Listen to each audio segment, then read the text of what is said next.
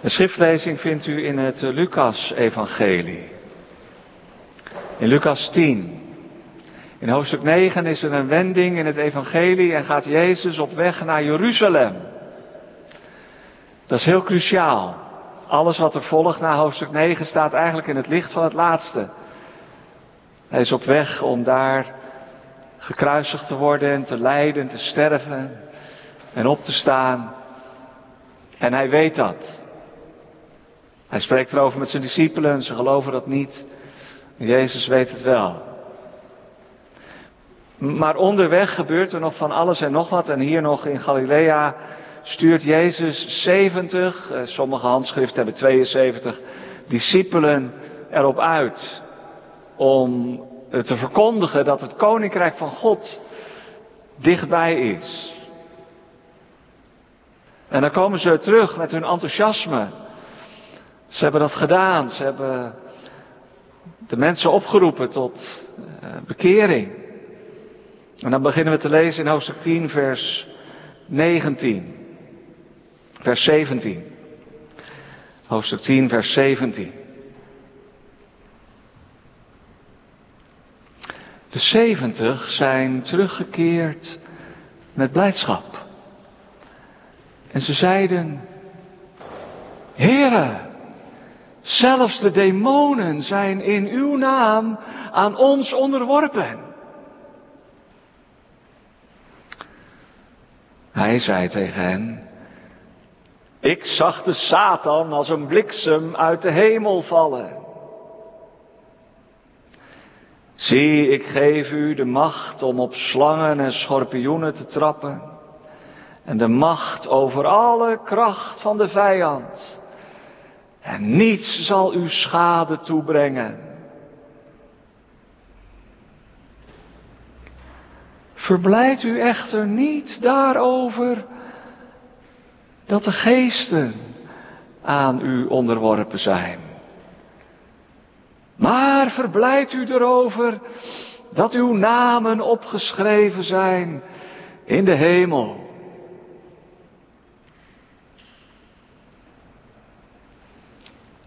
Op dat moment verheugde Jezus zich in de geest. En hij zei, ik dank u, Vader, Heere van de hemel en van de aarde, dat u deze dingen voor wijzen en verstandigen verborgen hebt en ze aan jonge kinderen hebt geopenbaard.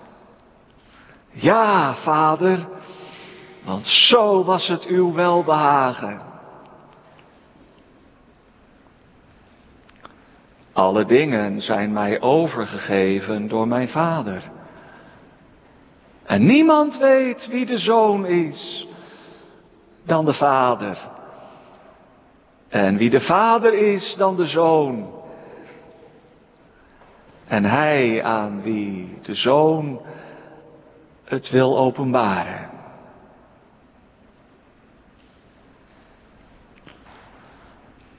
En hij keerde zich naar de discipelen en hij zei tegen hen alleen,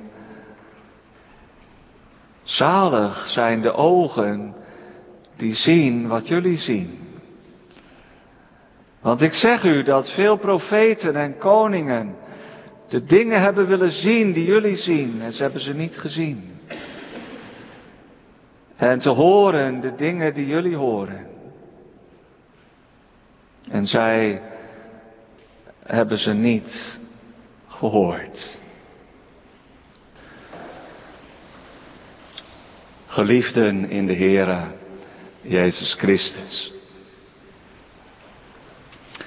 Gisterochtend was ik in Gouda bij de kerkenraden van de Sint-Janskerk. Een bezinningsdag over het gezag van de Bijbel. En toen kwamen erop dat het soms heel moeilijk is om aan collega's of buren uit te leggen wat het evangelie inhoudt. Hoe doe je dat?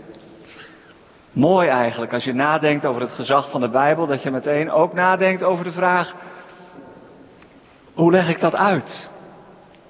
Wat is nou de kern? En toen zei een van de broeders, dat viel me op, we moeten er ook niet gek van staan te kijken dat de mensen het gewoon niet begrijpen.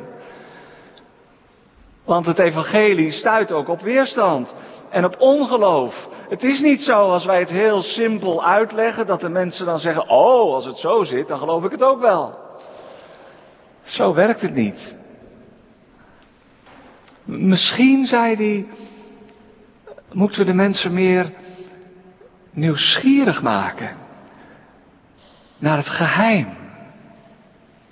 Zo van, er is een, er is een mysterie. Er is een geheim. En daar wil ik best iets van aan je vertellen en met je delen. Maar ik kan het je ook niet helemaal uitleggen. Er is iets, iets heel moois, iets gaafs. En dat is heel groot en heel belangrijk. Kom, ga mee.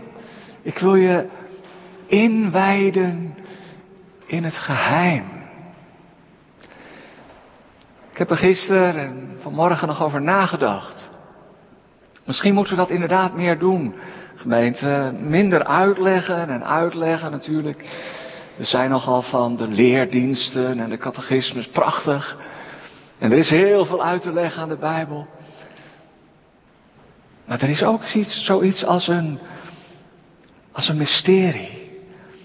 Een groot geheim. Jongens en meisjes, als ik dat tegen jullie zeg, fijn dat jullie er zijn trouwens, op deze warme zondagmiddag. Als ik tegen jullie zeg, mag ik je een geheim vertellen? Wat gebeurt er dan?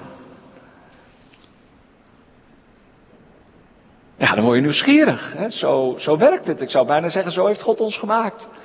Dat we nieuwsgierig worden naar het geheim. Je wilt het graag weten. Wat is dat dan? Ja, moet je even wachten.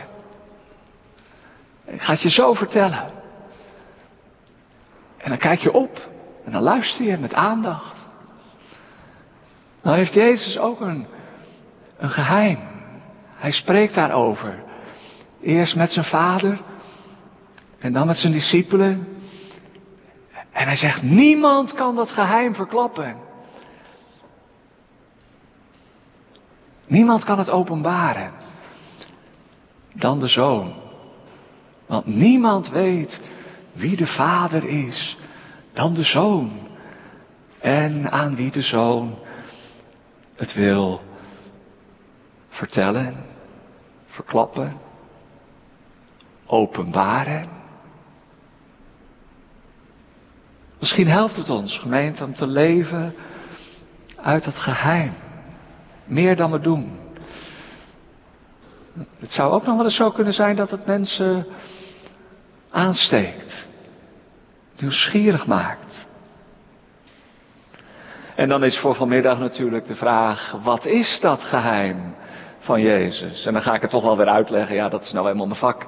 En dat doen we in de preek uitleggen. Nou ja, erover nadenken met jullie. Wat, wat staat hier dan? En, en hoe moeten we dat gebed van Jezus verstaan? Maar wat ik er ook aan uitleg, het is en blijft verborgen. En dat is maar goed ook. Ik wil er drie dingen over zeggen vanmiddag. Over de vreugde van Jezus. Op dat moment verheugde Jezus zich. Of als die nieuwe Bijbelvertaling die iets uitbundiger is, het juist vertaalt, dat kan. Op dat moment begon Jezus te juichen. En hij zei, ik dank u, ik loof u, Vader. En dat kwam in zijn gebed, in zijn omgang met zijn vader, voort uit het, het geheim van Jezus. Er was zo'n diepe vreugde in het hart van Jezus. In dat geheim. Dat hij met zijn discipelen en met ons wil delen. Nou, wat was dan het geheim van Jezus' vreugde? En dan is het eerste antwoord natuurlijk zijn vader. Het kennen van zijn vader. Door de Heilige Geest. Vader, Zoon en Heilige Geest. Ze komen niet zo vaak samen voor in het Nieuwe Testament. Bij de doop in de Jordaan ook al. De stem van de Vader, de Zoon in het water. De Geest als een duif die op hem neerdaalt. Jezus is zich bewust van zijn goddelijke afkomst. En dan duizelt het ons. Dat is een groot geheim.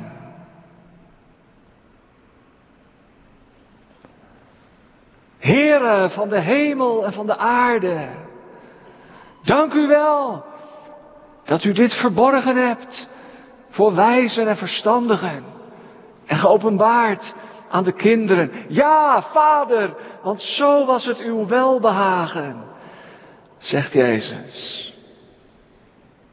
En had de vader het niet tegen hem gezegd, dit is mijn geliefde zoon, in wie ik mijn welbehagen heb? De Vader, de Zoon en de Heilige Geest. De drie enige, eeuwige God, van eeuwigheid en tot in eeuwigheid, nooit alleen, altijd drie, in één en één in drie.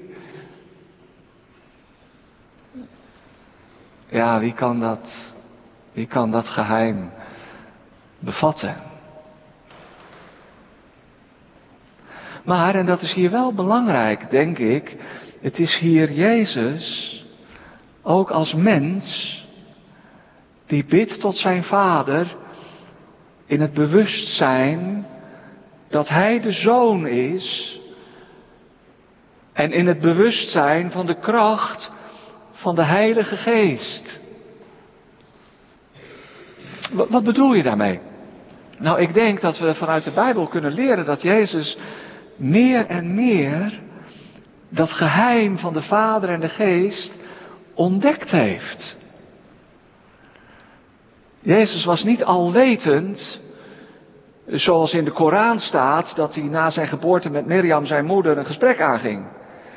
En nou is Jezus in de islam niet eens de zoon van God, maar gewoon een profeet. Maar zo'n wonderlijke geschiedenis dat hij als het ware alwetend was en dan kon praten in de wieg. Nee, nee, Jezus heeft leren praten en leren lezen en schrijven. En leren lopen, net als alle kinderen. Jezus heeft een ontwikkeling doorgemaakt, ook in kennis. Zo schrijft Lucas daarover aan het eind van hoofdstuk 2. Als Maria en Jozef in paniek zijn en Jezus zoeken, Drie dagen lang, waar is die? We zouden een Amber Alert uit laten gaan, een kind vermist.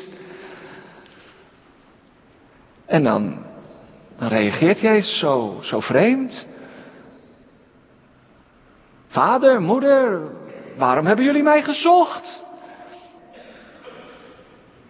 Hij zegt niet waarom waren jullie bezorgd, hè? Dat, zou, dat kun je nog wel begrijpen dat ze bezorgd waren, maar waarom hebben jullie mij gezocht? Wisten jullie dan niet dat ik hier moest zijn? Hier in de tempel. In de dingen van mijn vader. In het huis van mijn vader. In gesprek met schriftgeleerden en fariseeën over de geheimen van de tempeldienst, van het altaar en van het offer en van het heilige en het heilige der heiligen. Jezus was heilig nieuwsgierig en hij gaf zulke mooie antwoorden en stelde zulke intelligente vragen dat de fariseeën en de schriftgeleerden versteld stonden van zijn kennis, toen al als tiener. En dan zegt Lucas aan het eind van dat gedeelte, en Jezus groeide. Hij nam toe in genade en kennis en wijsheid bij God en de mensen. Ja, dat vind ik een geweldig geheim. Dat Jezus dus ook als mens gaandeweg ontdekt heeft wie zijn vader was. En wie de Heilige Geest was. De geest die op hem neerdaalde als een duif. De geest die hem meteen daarna in de woestijn leidde om verzocht te worden door de Satan. En zo is Jezus ook meer en meer, zo stel ik me dat voor, gemeente, ontdekt wie hij zelf was. Zoon van Maria, zoon des mensen, waar Daniel al over sprak. Zo noemt Jezus ook zichzelf. Maar ook de zoon van de Vader, de zoon van God. En het is alsof Jezus zich op dit moment in zijn gebed ten volle realiseert wie hij is en wie zijn Vader is. En wie de Heilige Geest is. En hij begint te juichen in de Heilige Geest.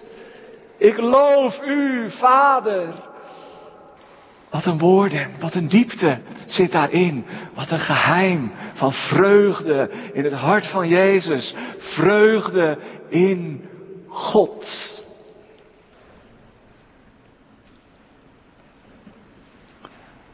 En dat terwijl Jezus op weg is naar Jeruzalem. Hij weet wat hem te wachten staat. Hij weet dat hij verworpen zal worden. Gekruisigd. En toch is hij gegaan. Vrijwillig. Hij weet van de strijd die los zal barsten. En hij klemt zich vast aan zijn hemelse Vader. En dat is voor hem, ondanks al die zorgen en de strijd die hem wacht, een bron van vreugde. Dat is het geheim. Verblijd u in de Heere te allen tijd. En Paulus zegt het nog een keer. Wederom zeg ik u, verblijd u. Kennelijk moest hij dat ook twee keer zeggen tegen de Filippenzen. En tegen ons misschien wel drie of vier keer.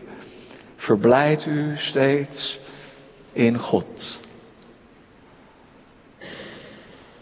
Ja, ook als de omstandigheden moeilijk zijn. Ook als er zorgen zijn en als er verdriet is, je hoeft niet altijd blij te zijn. Dat kan niet, dat mag ook niet. Er moet ruimte zijn voor klacht, voor gebrokenheid, voor verdriet, voor rouw. En toch, in dat alles is er een geheim. En soms hoor je mensen daarvan getuigen. Ook als het heel moeilijk gaat in hun leven. Vreugde in God. Als ik dat niet had, als ik Hem niet had, dan zou ik niet weten waar ik het moest zoeken. Zo, dat geheim, dat is een weerspiegeling van de vreugde van Jezus. Het is in de eerste plaats de gemeenschap, de verbondenheid met de Vader in de Heilige Geest. Wat Jezus zo, ja ook zo uitbundig blij maakt.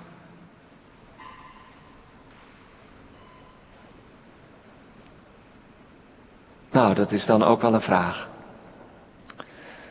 Ook als het gaat om onze roeping voor onze buren, collega's, vrienden. Hebben we dat ook van Jezus en met Jezus? Dat diepe geheim. En dat is het weten, ook je vrienden, leeftijdsgenoten, je teamgenoten als je op een sport zit, andere studenten of je collega's op het kantoor of waar je ook werkt. Ja, hij heeft een geheim, hij leeft daarmee, dat geeft hem of haar echte troost en vreugde. Vreugde in God. Maar dat brengt me meteen bij het tweede. Jezus houdt dat niet voor zichzelf. Dat is misschien meestal wel zo als hij bidt op de berg en we niet weten wat hij gebeden heeft. Maar hier hebben zijn discipelen dat genoteerd.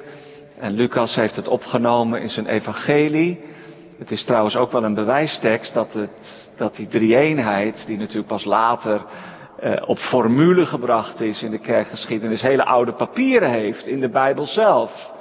Waarschijnlijk heeft Lucas en Matthäus, die hetzelfde schrijft, eh, waarschijnlijk hebben ze deze woorden ontleend aan een verzameling van woorden van Jezus. Het is heel oud materiaal in het Nieuwe Testament. Maar Jezus reageert ook op zijn discipelen. En dat vind ik ook wel heel mooi. Waarom is hij nou zo blij? Ja, in de Vader door de Geest. Maar hij reageert ook op het enthousiasme waarmee zijn discipelen bij hem terugkomen. Ze hebben verkondigd het koninkrijk van God. En ze komen terug en ze zeggen, zelfs de demonen zijn aan ons onderworpen. En ze zijn blij. Ik kan er niet zo over uitweiden. Hoe moet je dat precies zien? Met duivelen, die worden uitgeworpen door Jezus, door de discipelen. Laten we heel voorzichtig zijn, gemeente. We moeten niet mensen, zeker niet met een psychische ziekte, gaan demoniseren. Alsof dat met bezetenheid te maken heeft. Laten we heel voorzichtig zijn. Misschien was het ook echt iets van die tijd, hè, dat de duivel zich heel erg breed maakt in de tijd dat Jezus op aarde was. Maar we moeten anderzijds ook weer niet de macht van de Satan onderschatten. Hij gaat ook rond. Als een brullende leeuw, zegt Petrus. Op zoek naar prooi. Je hoeft niet bang te zijn. Laat je niet gek maken. Je moet wel waakzaam zijn. Want er is een macht in de lucht. En soms ook in mensen. Een destructieve, een verwoestende, vernielende macht van het kwaad. Waar komt het vandaan? En als je ziet wat er gebeurt met IS een paar jaar geleden, beelden staan nog op ons netvlies, in de loopgraven in Oekraïne, het komt allemaal binnen via je mobiele telefoon. Dat is natuurlijk wel heel nieuw, hè? dat we dat allemaal live bijna, bijna kunnen meemaken. Ook wel een beetje eng. Wat is dit? Wat gebeurt hier allemaal? Macht van, van de boze. Maar, maar die discipelen komen bij Jezus terug in een soort overwinningsroes. En zelfs de demonen zijn aan ons onderworpen in uw naam. En op dat moment verheugde Jezus zich in de geest, staat er. Hij reageert dus op het enthousiasme en op de vreugde van zijn discipelen. En hij zegt tegen ze, ik heb het gezien. Ik zag de Satan als een bliksem uit de hemel vallen. Ook weer van die intrigerende woorden. Wat bedoelt Jezus daarmee? Ook een beetje geheimzinnig, hè? Geheimzinnig. Ik zag de Satan als een bliksem uit de hemel vallen. Nou, dat is in ieder geval goed nieuws, zou je zeggen. Als de Satan naar beneden tuimelt en niet meer in de hemel kan komen, zoals in het Oude Testament bij Job, een wonderlijke geschiedenis, als de Satan daar tussen de engelen in staat om Job aan te klagen en te beschuldigen, maar dat kan niet meer. Eh, de toegang is hem ontzegd, hij mag niet meer in de hemel komen. Als je het zo moet uitleggen. En Jezus zegt, ik heb het gezien hoor, ik heb de Satan als een bliksem uit de hemel zien vallen. En ik geef jullie de macht om op slangen en schorpioenen te trappen. Niet dat je dat letterlijk moet gaan uitproberen zoals sommige christenen wel eens gedaan hebben, dat is natuurlijk dwaas. Het gaat hier over het beeld van de slang en de schorpioen als de macht van het kwaad. En hij is gekomen om de kop van de Satan te verpletteren, de Heer Jezus overwinnaar. En zijn discipelen mogen in die overwinning delen.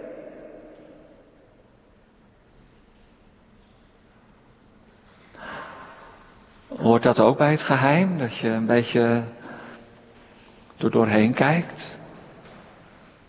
Achter de schermen van de zichtbare en tastbare werkelijkheid is er een geestelijke strijd aan de gang.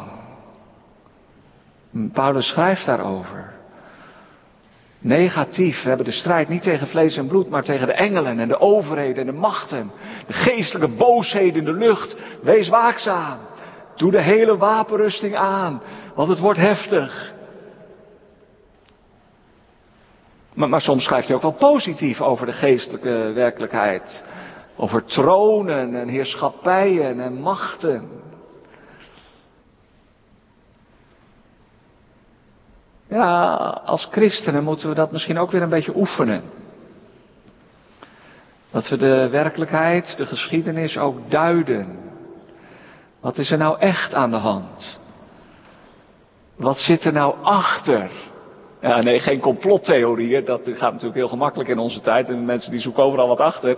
En die geloven niet meer dat ze, wat, wat ze zien, dat het echt waar is. Zo bedoel ik dat natuurlijk niet. En, toch zou ik bijna zeggen, er is één groot complot. Dat moet je me niet verkeerd begrijpen. Want ik wil niet dat deze preek eh, viral gaat op het internet. Maar er is toch wel één groot complot. Achter de schermen van de zichtbare werkelijkheid is daar een macht. Van de overste, van de macht van de lucht. En hij weet dat hij nog maar een kleine tijd heeft. Hij weet dat hij nog maar een kleine tijd heeft en wij vergeten het vaak. En soms denk ik het wordt hoe langer hoe gekker. Waar komt dat vandaan? Wat is dat? Wees waakzaam. Want, en daar rond ik het tweede punt mee af, de Jezus zegt heel opvallend, verblijd u daar niet over dat de geest aan u onderworpen zijn. Je zou zeggen, nou, ze zijn zo enthousiast, ze zijn in een overwinningsroes en de Heer Jezus op dat moment is ook verheugd in de geest. Maar hij waarschuwt ze eigenlijk, wees nou niet te blij. Ja, ik zag de Satan als een bliksem uit de hemel. Dat is ook nog een beetje dreigende taal, hè. Een donkere onweerswolken. En niet alleen een flits en wat gerommel in de verte, maar je ziet die slangen door de lucht schieten tegen die donkere achtergrond. En je hoort een knal. En je weet het is ergens ingeslagen. Dat het beeld. Als een bliksem uit de hemel. Het is alsof de Heer Jezus wil zeggen, vergis je niet. Het ergste komt nog. En straks breekt de hel los. Ook voor Jezus zelf. En ook voor zijn discipelen. Hij waarschuwt hen. Het is goed nieuws dat de Satan uit de hemel is gevallen, maar nu is hij op aarde. En hij weet dat hij nog maar een kleine tijd heeft. En hij gaat keer. Vergis je niet. Verblijd u niet daarover. Dat de geesten aan u onderworpen zijn. Soms denk je in de overwinning te staan. En voordat je het weet lig je weer. Omdat je in verzoeking gevallen bent of verleid bent tot de zonde. Na de overwinning kan er zomaar weer een nederlaag volgen. Wees waakzaam. Laat je niet gek maken, niet intimideren. Niet bang maken. Maar blijf wel wakker. Er is een geestelijke strijd aan de gang. En Jezus weet van het geheim. Hij heeft het gezien. Wij ook. En Jezus weet ook van de overwinning. Al wordt de strijd nog zo zwaar, de overwinning is zeker.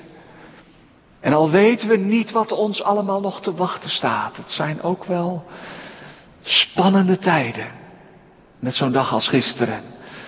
Met zo'n enorme instabiliteit in Rusland. Terwijl het toch een kernmacht is.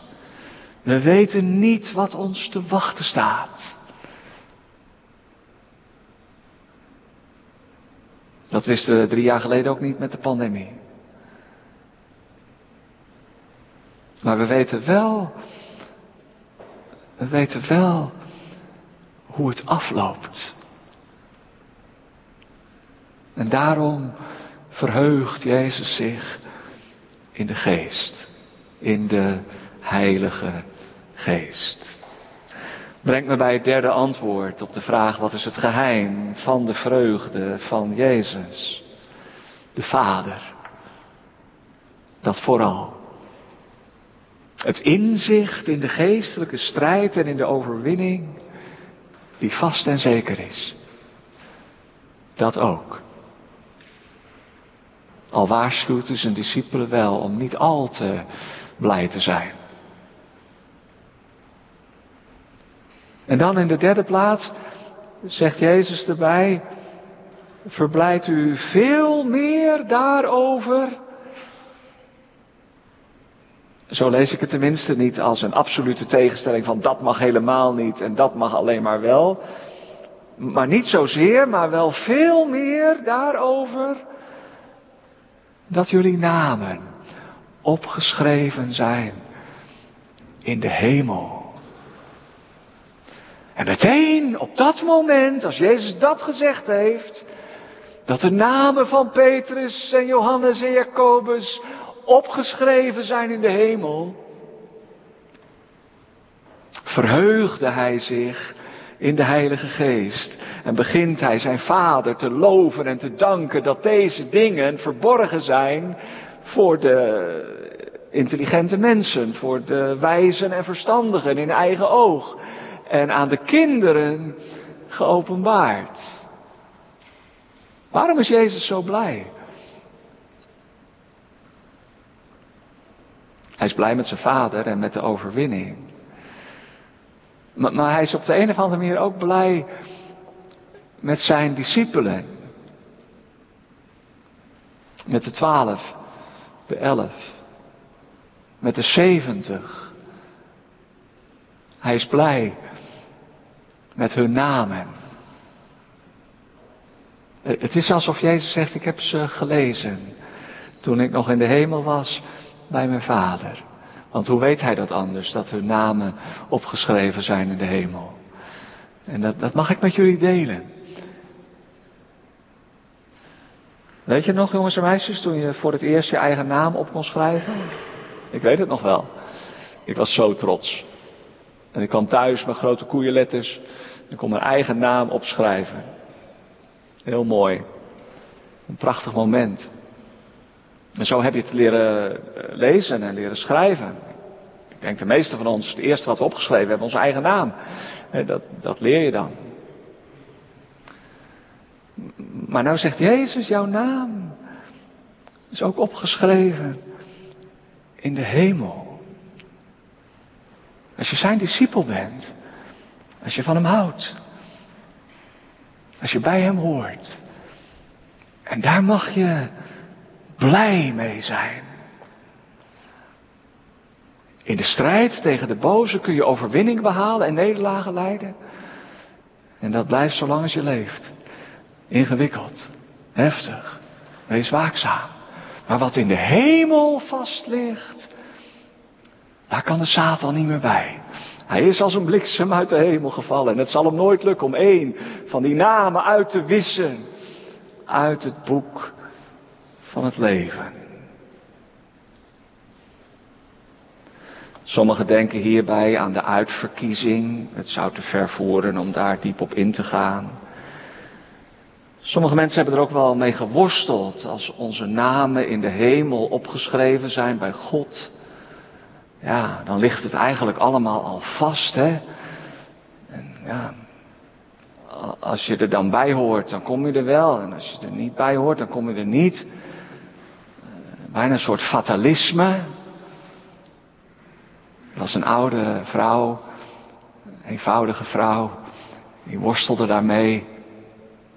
En ze bad. Heel intens omdat ze zo twijfelde aan zichzelf en aan haar eigen geloof en bekering en dacht, ben ik wel uitverkoren? Misschien ben ik wel niet uitverkoren. Eh, en ze bad, heren, als mijn naam niet in uw boek staat, schrijf hem dan vandaag er nog bij. Nou, dat kan natuurlijk niet. Maar nou, dan kun je wel heel zeker weten dat haar naam erbij stond. Dat kan niet missen. Als je zo bidt en zo worstelt om Gods genade, schrijf me dan vandaag er nog bij. Want ik kan niet zonder u. Dat is ondenkbaar. Dat is ondraaglijk. En Jezus zegt, het is niet voor de wijzen en verstandigen. Dat betekent niet als je intelligent bent of studeert dat je dan niet in de hemel kan komen. Dat natuurlijk niet, gelukkig niet. Maar, maar, er is dus een geheim, en dan denk ik weer aan het gesprek van gisteren met de kerkenraden in Gouda. Je, je kunt het wel uitleggen en nog een keer uitleggen en nog een keer, maar ja, het kwartje valt niet. Mensen begrijpen het gewoon eigenlijk niet. Er zijn allemaal weerstanden dat God bestaat. Ja, waar is hij dan? Onzichtbaar. En dan het evangelie van vergeving, van je zonden. Ja, hoe kan het dan dat iemand anders voor jou aan het kruis sterft? Ja, als jij dat allemaal wil geloven, dat is prima.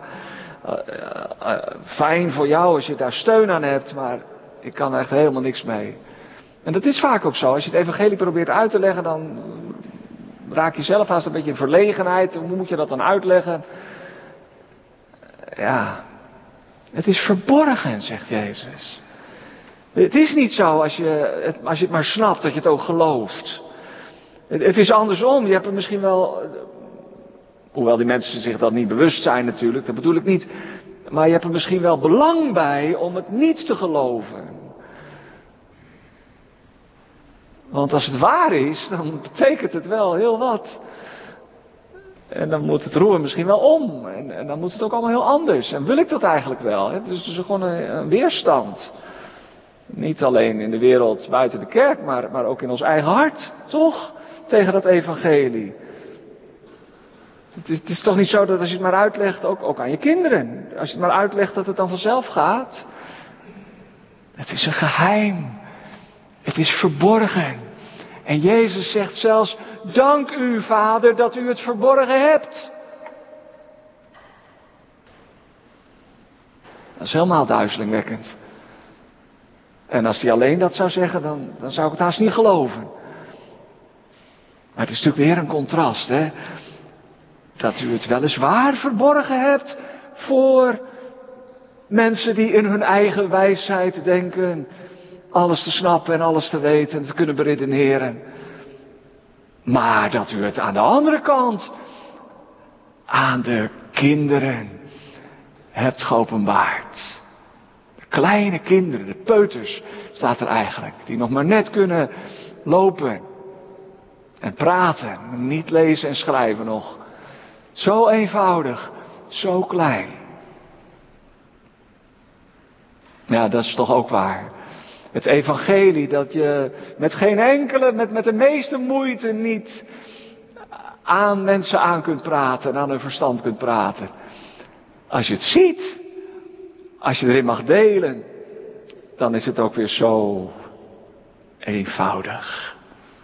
De liefde van de Vader en van de Zoon en van de Heilige Geest. Zo diep. En toch ook zo simpel. Er zit niks achter. Ja, je kan er, je kan er jaren op studeren. En er is een eeuwigheid voor nodig, zou je zeggen, om er iets van te kunnen bevatten. En tegelijkertijd zo simpel, zo eenvoudig. Een kind kan het begrijpen. Nou nee, een kind kan het geloven. Hij voor mij. Hij in mijn plaats, Jezus, mijn redder, mijn heiland. Hij houdt van mij. En ik begrijp niet waarom. En daarom houd ik ook van Hem. Door de Heilige Geest. Niemand weet wie de Zoon is dan de Vader. Je zou haast zeggen, er klinkt ook wel eenzaamheid in door als Jezus dat zo zegt. Niemand weet wie ik ben. Petrus niet, Johannes niet, Jacobus niet. De schriftgeleerden en de fariseeën al helemaal niet. Zijn eigen moeder begreep het nog niet eens. Niemand kent de zoon zoals die is. Behalve de vader. En niemand kent de vader dan de zoon.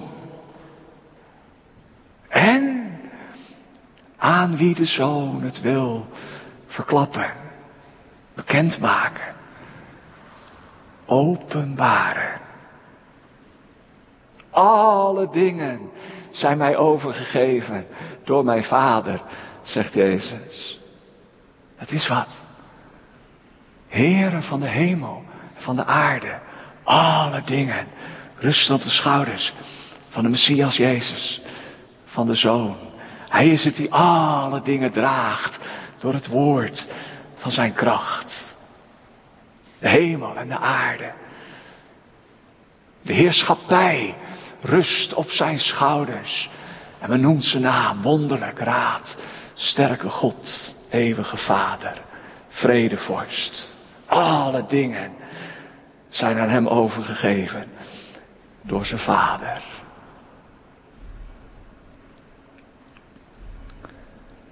En dan zou ik haast zeggen vanmiddag, jij ook. En u ook. En ik ook. Als onze namen opgeschreven zijn in de hemel, dan heeft de Vader ons gegeven aan de Zoon. Alle dingen zijn mij overgegeven door mijn Vader. U ook, met al uw zorgen, vragen. Jij ook, met al je strijd. Met al je zonden. Hij wist ervan. En misschien ben je teleurgesteld in jezelf. Maar je kunt hem niet tegenvallen. Want hij wist waar hij aan begon. Toen hij op weg ging naar Jeruzalem. Voor u, voor jou, voor mij.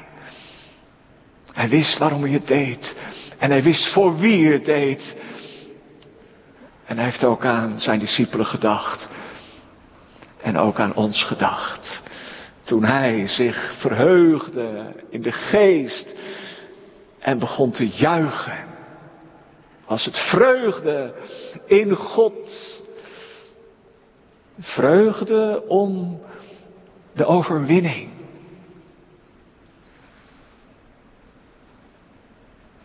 Maar de Heer Jezus was ook blij.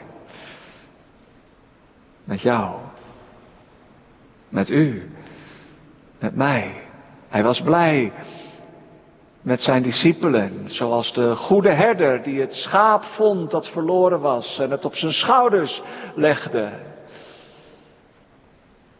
En hij was zo, zo blij. Ik heb mijn schaap gevonden dat verloren was. Hij was zo blij met jou en met u en met mij. Geloof je dat? En zouden wij dan niet blij zijn met Hem?